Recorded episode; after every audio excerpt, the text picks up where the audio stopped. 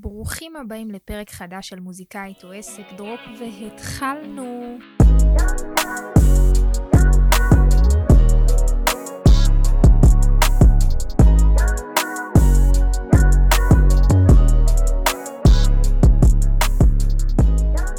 אז היום בפרק אני רוצה לדבר איתכם על תובנה אחת מאוד מאוד מאוד חזקה אה, שלקחתי בעקבות איזה קורס שעשיתי. אה, של כמה חודשים, שמתעסק ב, בכל המסביב של עולם המוזיקה, ובאמת ירו עלינו הרבה הרבה הרבה חומר, ומשהו שם, אחד נצרב איתי, שעד היום הולך איתי באמת בכל משהו שאני עושה ופוגשת ובעבודה שקשורה למוזיקה שלי, ואני רוצה לדבר איתכם עליהם פה, כי לפני שהעירו לי את הדבר הזה, אני, זה ממש אפילו לא עלה על דעתי. אה, אבל רגע לפני, ברוך הבא לפרק חדש של מוזיקאית או עסק, אם אתם פה בפעם הראשונה, אז נעים מאוד, חברים, אהלן אהלן, ורוצו בסוף הפרק לשמוע את כל הפרקים, ואם אתם פה, בפעם הראשונה, אז מוזיקאית או עסק היא תוכנית שבה אני, עדי הגיא, מדברת כל שבוע על נושא שחשוב שמוזיקאים ידעו, אה, שלא קשור במוזיקה, אלא בכל המסביב, בין אם זה כסף, תמלוגים, אה, שיווק, נגנים, איך להגיע לדברים, ובאמת אה, כל מה שאני לומדת ככה ומשתפת במהלך הדרך שלי. כל הדברים כאן, איך זה נקרא? זה לא המלצה, זה לא כלום, זה רק דברים שעובדים לי, וככה אני מוצאת עניין לשתף בכם, אז תרגישו בנוח לקחת מה שבא לכם ומה שלא, לזרוק לפח. אה, למי שלא מכיר אותי, אני עדי הגיא, יוצרת וראפרית ירושלמית בת 23. אני יוצרת את הפודקאסט הזה ובעלת עסק שעוזר אה, למוזיקאים להבין איך הם עושים את הדברים האלה בעצמם ולהגיע לתקשורת בעצמם בשיטה שפיתחתי בלי לשלם על יחצן ויחסי ציבור, לקדם את המוזיקה שלהם בלי לשלם על קמפיינרים בעצמם, וכמובן ליצור תוכן בשיטה מדויקת שמתפוצץ להם בטיקטוק ובאינסטגרם ואיך לשמר את הדבר הזה לתוך קהילה, שיום יבוא וגם תקנה כרטיס להופעות שלכם. אה, אז אם זה מעניין אתכם, אתם מוזמנים אה, לשלוח אליי הודעה באינסטגרם, ואולי אה, נתאים לעבודה משותפת. וזהו חברים, בואו נתחיל. אז כמו שאמרתי, היום אני רוצה לדבר איתכם על תובנה אחת מאוד מאוד מאוד חזקה שאני קיבלתי אה, בעזרת סדנה, קורס שעשיתי אה, לפני כמה חודשים, אולי כבר שנה. אה, בעצם השתתפתי בפרויקט שנקרא סינתסייזר בשיתוף עם הצוללת הצהובה. זה מין פרויקט אה, שבעצם בוחרים 12 מוזיקאים בכל הארץ, מוזיקאים פעילים כבר שמוציאים, שעושים שירים, שמופיעים בכל מיני שלבים כאלה ואחרים, אבל בדרך כלל קצת בשלב מתקדם כבר, ובעצם נותנים להם מעטפת ומלמדים אותם אה, על הרבה דברים, אה, גם בתחום של השיווק וההתנהלות, אה, ככה בתור מוזיקאים ועל כל מה שאני מאוד מאמינה בו, ואני שמעתי על הפרויקט הזה דרך פודקאסט, ומאז הרגשתי קוסמית שאני חייבת להיות שם, אה, וכך היה, באמת הייתי והיה מאוד מעניין, ופגשתי אנשים אה, נפלאים ומוכשרים. אה, אז קודם כל אני ממליצה לכם לעקוב אחרי העמוד של סינתסייזר, לחפש אותם, בין אם זה באתר, בפייסבוק, באינסטגרם, ולראות מתי נפתח מחזור, כי זה יכול לעשות לכם מאוד מאוד טוב. ובאמת במסגרת זה שהעבירו לנו שם הרבה תוכן וידע גם על זכויות יוצרים ודברים שידעתי יותר ודברים שידעתי פחות, קיבלתי שם תובנה אחת מאוד מאוד חזקה, אה, ואני רוצה להתעכב עליה פה. והתובנה הזו, אני קוראת לה בעצם חוק המשא ומתן, ותכף אני אסביר מה זה אומר. חוק המשא ומתן אומר שבעצם בתור מוזיקאים חשוב שנזכור שבאמת הכל פתוח למשא ומתן. ויכול להיות שאתם אומרים, עדי, ברור, אבל בואו אני אסביר לכם מה הכוונה.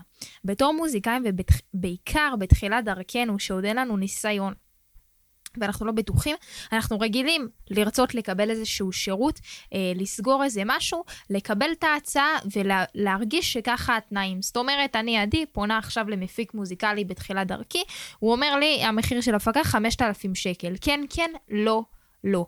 ומה שאני רוצה להחדיר לכם זה את חוק המשא ומתן, שתמיד אתם צריכים לזכור באחורה של ה mindset שלכם, שבאמת הכל פתוח למשא ומתן. מה זאת אומרת 5,000 שקל? ואם עכשיו אייל גולן הרי היה בא מגיע, הוא גם היה עושה לו הפקה ב-5,000 שקל, הרי יכול להיות שהוא היה עושה לו הפקה בחינם, נכון? כי זה מאוד, הוא היה רוצה לעבוד עם שם כזה, או לא משנה, הוא שם אחר. ובעצם מתי זה בא לידי ביטוי? בכל מיני דברים, לצורך הדוגמה אפילו שאנחנו באים להופיע. אנחנו רוצים לסגור מקום להופעה, והמקום במייל רושם לנו, אנחנו יכולים uh, רק בימי חמישי, uh, או אתם יכולים רק ככה וככה. אבל שנייה, חשוב, עכשיו, אומנם זה, זה נבנה עם הביטחון, וככל שאנחנו בתחילת דרכנו, אז מי אנחנו שנגיד להם, לא, תנו לנו שעה אחרת, לא, אנחנו רוצים ככה, לא, אנחנו רוצים להזיז את הבלנס לשעה יותר מוקדמת, אבל זה כן איזה משהו מאוד מאוד מאוד חזק, שתמיד תזכרו שבסופו של דבר, אתם מדברים מול אנשים, ואנשים זה אנשים. אנשים, וכמו בכל צד במשוואה, לכל אחד יש אינטרס. זאת אומרת שגם אם אתם הולכים למפיק מסוים, ואין לכם כרגע את כל הכסף לשלם לו, אבל יכול להיות שאם אתם תלכו אליו, אה, אתם יכולים לסגור איתו ארבעה שירים במקום אחד. אז זה משהו שאתם יכול, יכולים להציע, להגיד, שמע, נכון שאתה לוקח 5,000 שקל להפקה, לי יש תקציב ל-2,500 נגיד להפקה, אבל אני רוצה לתפור איתך ארבע הפקות. אז הדבר הזה, זה פתאום יפתח למפיק, אוקיי, רגע, אולי משתלם לי, או יכול להיות שאתם תגידו לו, נכון, לי אין תקציב ל-5,000 שקל הפקה, יש לי תקציב ל-2,000, אבל אם אתה תיקח אותי, אני אדאג להביא לך עוד שלושה אנשים נוספים להפקה מוזיקלית. זאת אומרת, אותו המפיק יכול לקבל מכם ערך נוסף, שאם לא הייתם אומרים את זה, זה לא אה, היה בא לידי ביטוי.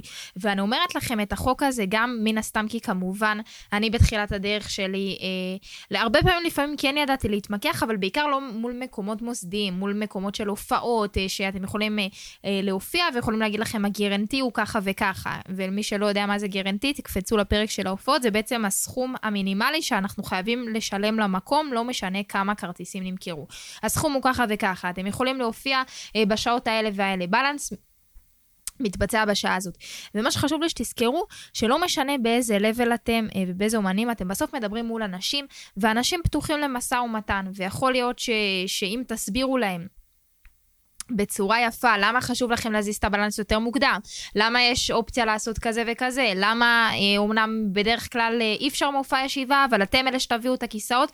זאת אומרת, לא לקחת כמובן מאליו את מה שאומרים לכם, אלא תמיד לזכור את חוק המשא ומתן, ושהכול באמת, באמת פתוח לתקשורת ולדבר, לא משנה מול איזה גוף אתם נמצאים. גם אם זה פסטיבל, גם אם זה עבודה מול עורך שאומר לכם, זה, זה הסכומים שאני לוקח, כל דבר פתוח למשא ומתן, ואתם באמת, אם אתם רוצים... רוצים לעבוד ספציפית עם אותו בן אדם, אתם תמיד יכולים לחשוב בצורה יצירתית על איך להוציא מה, מהדבר הזה את המיטב, וכן לדאוג לעבודה משותפת. אה, שלצורך הדוגמה, אני עובדת עם אה, צלם סטילס באופן קבוע, אה, וככה אני מפנה אליו כמויות מאוד גדולות של, של מוזיקאים שנמצאים איתי בליווי, ומן הסתם זה מאוד משתלם לו לעבוד, לעבוד איתי במחיר שהוא, שהוא הרבה יותר נמוך ממה שהוא לוקח בדרך כלל. כי אני מביאה לו כמויות של מוזיקאים, אה, שגם משלמים לו אומנם מחיר מוזל וגם נותנים לו אופציה של עבודה בהמשך. וזה משהו שסגרנו. ואותו צלם ככה התקשר אליי אה, אחרי... אה, כמה סשנים כאלה שעשינו, ואמר לי, תשמעי, עדי, אני עדיין משקיע המון המון המון זמן אה, ביחס למה שאת נותנת לי. אה, וכרגע זה לא יכול לעבוד בצורה כזאת. ו... מה, למה אני אומרת לכם שחוק המשא ומתן בא לידי ביטוי בהכל? כי אני מאוד רוצה לעבוד עם אותו צלם, ואני צריכה את הערך הזה שלו, אני צריכה שהוא יעשה לי את אותו יום צילום הזה למוזיקאים. וחשבתי מה אני יכולה לעשות ואיך לשמר את זה, והצעתי לו, אמרתי לו, תקשיב, אז בוא נעשה, במקום שנגיד אתה מצלם כל מוזיקאי בנפרד ונוסע אליו ודלק, בוא תעשה לך יום מרוכז, שאתה קובע לך את כל המוזיקאים, 1, 2, 3, 4, כולם מגיעים אליך ללוקיישן שאתה בוחר, אתה עובד בצורה מרוכזת, אתה לא משקיע דלק ונסיעות ארבע פעמים, כי אתה תופר את הכל ביום אחד. והכל הרבה הרבה יותר מייעל את זה. ואותו צלם אמר לי, יאללה, מגניב, ובואי נרוץ על זה, וכמובן שגם זה פיילוט, ויכול להיות שגם זה לא יסתדר. אבל אם לא היה לי מספיק את, ה, את ה mindset הזה של להבין של, מה זאת אומרת זה לא מתאים? זה לא מתאים, בוא נמצא דרך שזה יעבוד, כן יעבוד ביחד, זה לא או, או, או כן או לא. זאת אומרת, תמיד יש דרך, אה, וכמובן שהרבה פעמים אנחנו יכולים גם להציע איזה משהו שלא יתקבל, וזה גם בסדר. ואותו מישהו יבוא אליי לשירות, אני אגיד לו, שומע, השירות עולה ככה וככה, הוא יגיד לי, בואי וזה, אני אעשה לך פה, אני אקליט באולפן. אני אגיד לו, יכול להיות שכן, יכול להיות שלא, וזה גם בסדר. אמ, אבל תמיד אפשר לנסות אה, ולראות, בטח ובטח אם אה, אתם נותנים גם ערך לצד השני אה, בעבודה המשותפת איתכם. אז זה חשוב מאוד לזכור.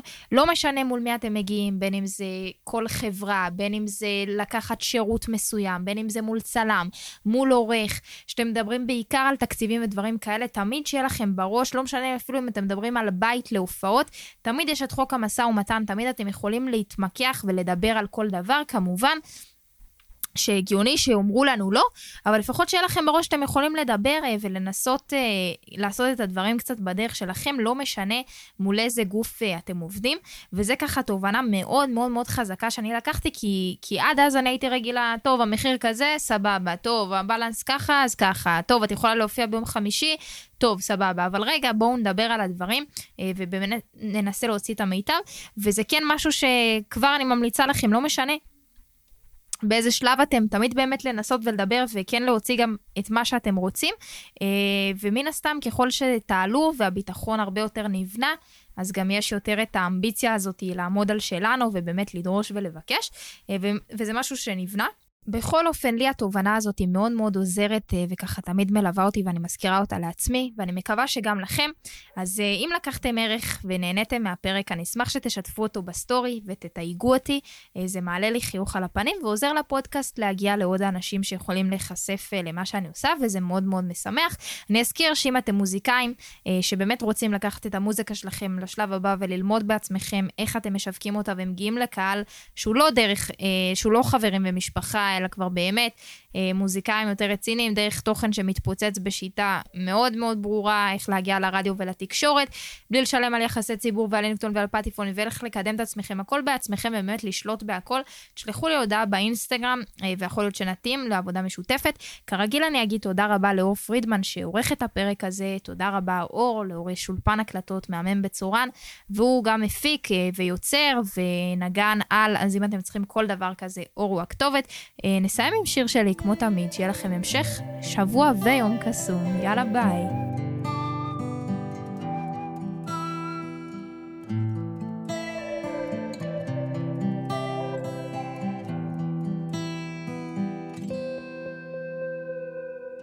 כבר חלאס לערבב אותי.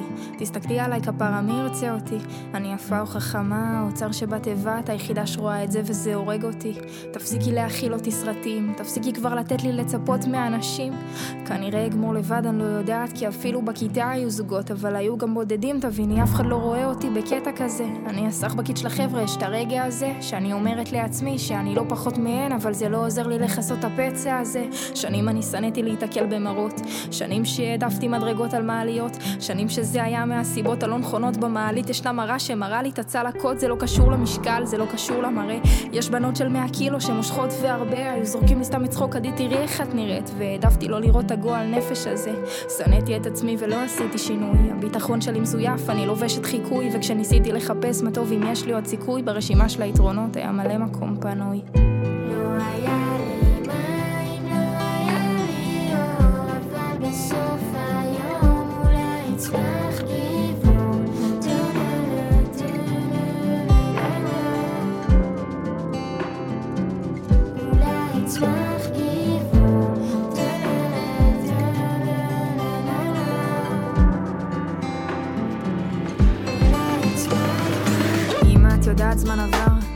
וכואב להסתכל על התמונות שלי.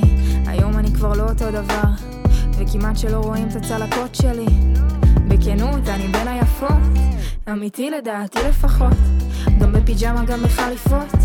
תמיד אמרת, בגדים זה עטיפות והיום אני עולה במדרגות אבל רק כי זה בריא וכי שנתיים אני מתאמנת כשאני נתקלת במראה במעלית אני מסתכלת, לפעמים אני הולכת עם מלא ביטחון ואז אני נזכרת בילדה בתיכון ותוהה כמה ממנה עדיין נשאר אצלי ואם מי עוד הסיבה שאין אף אחד לידי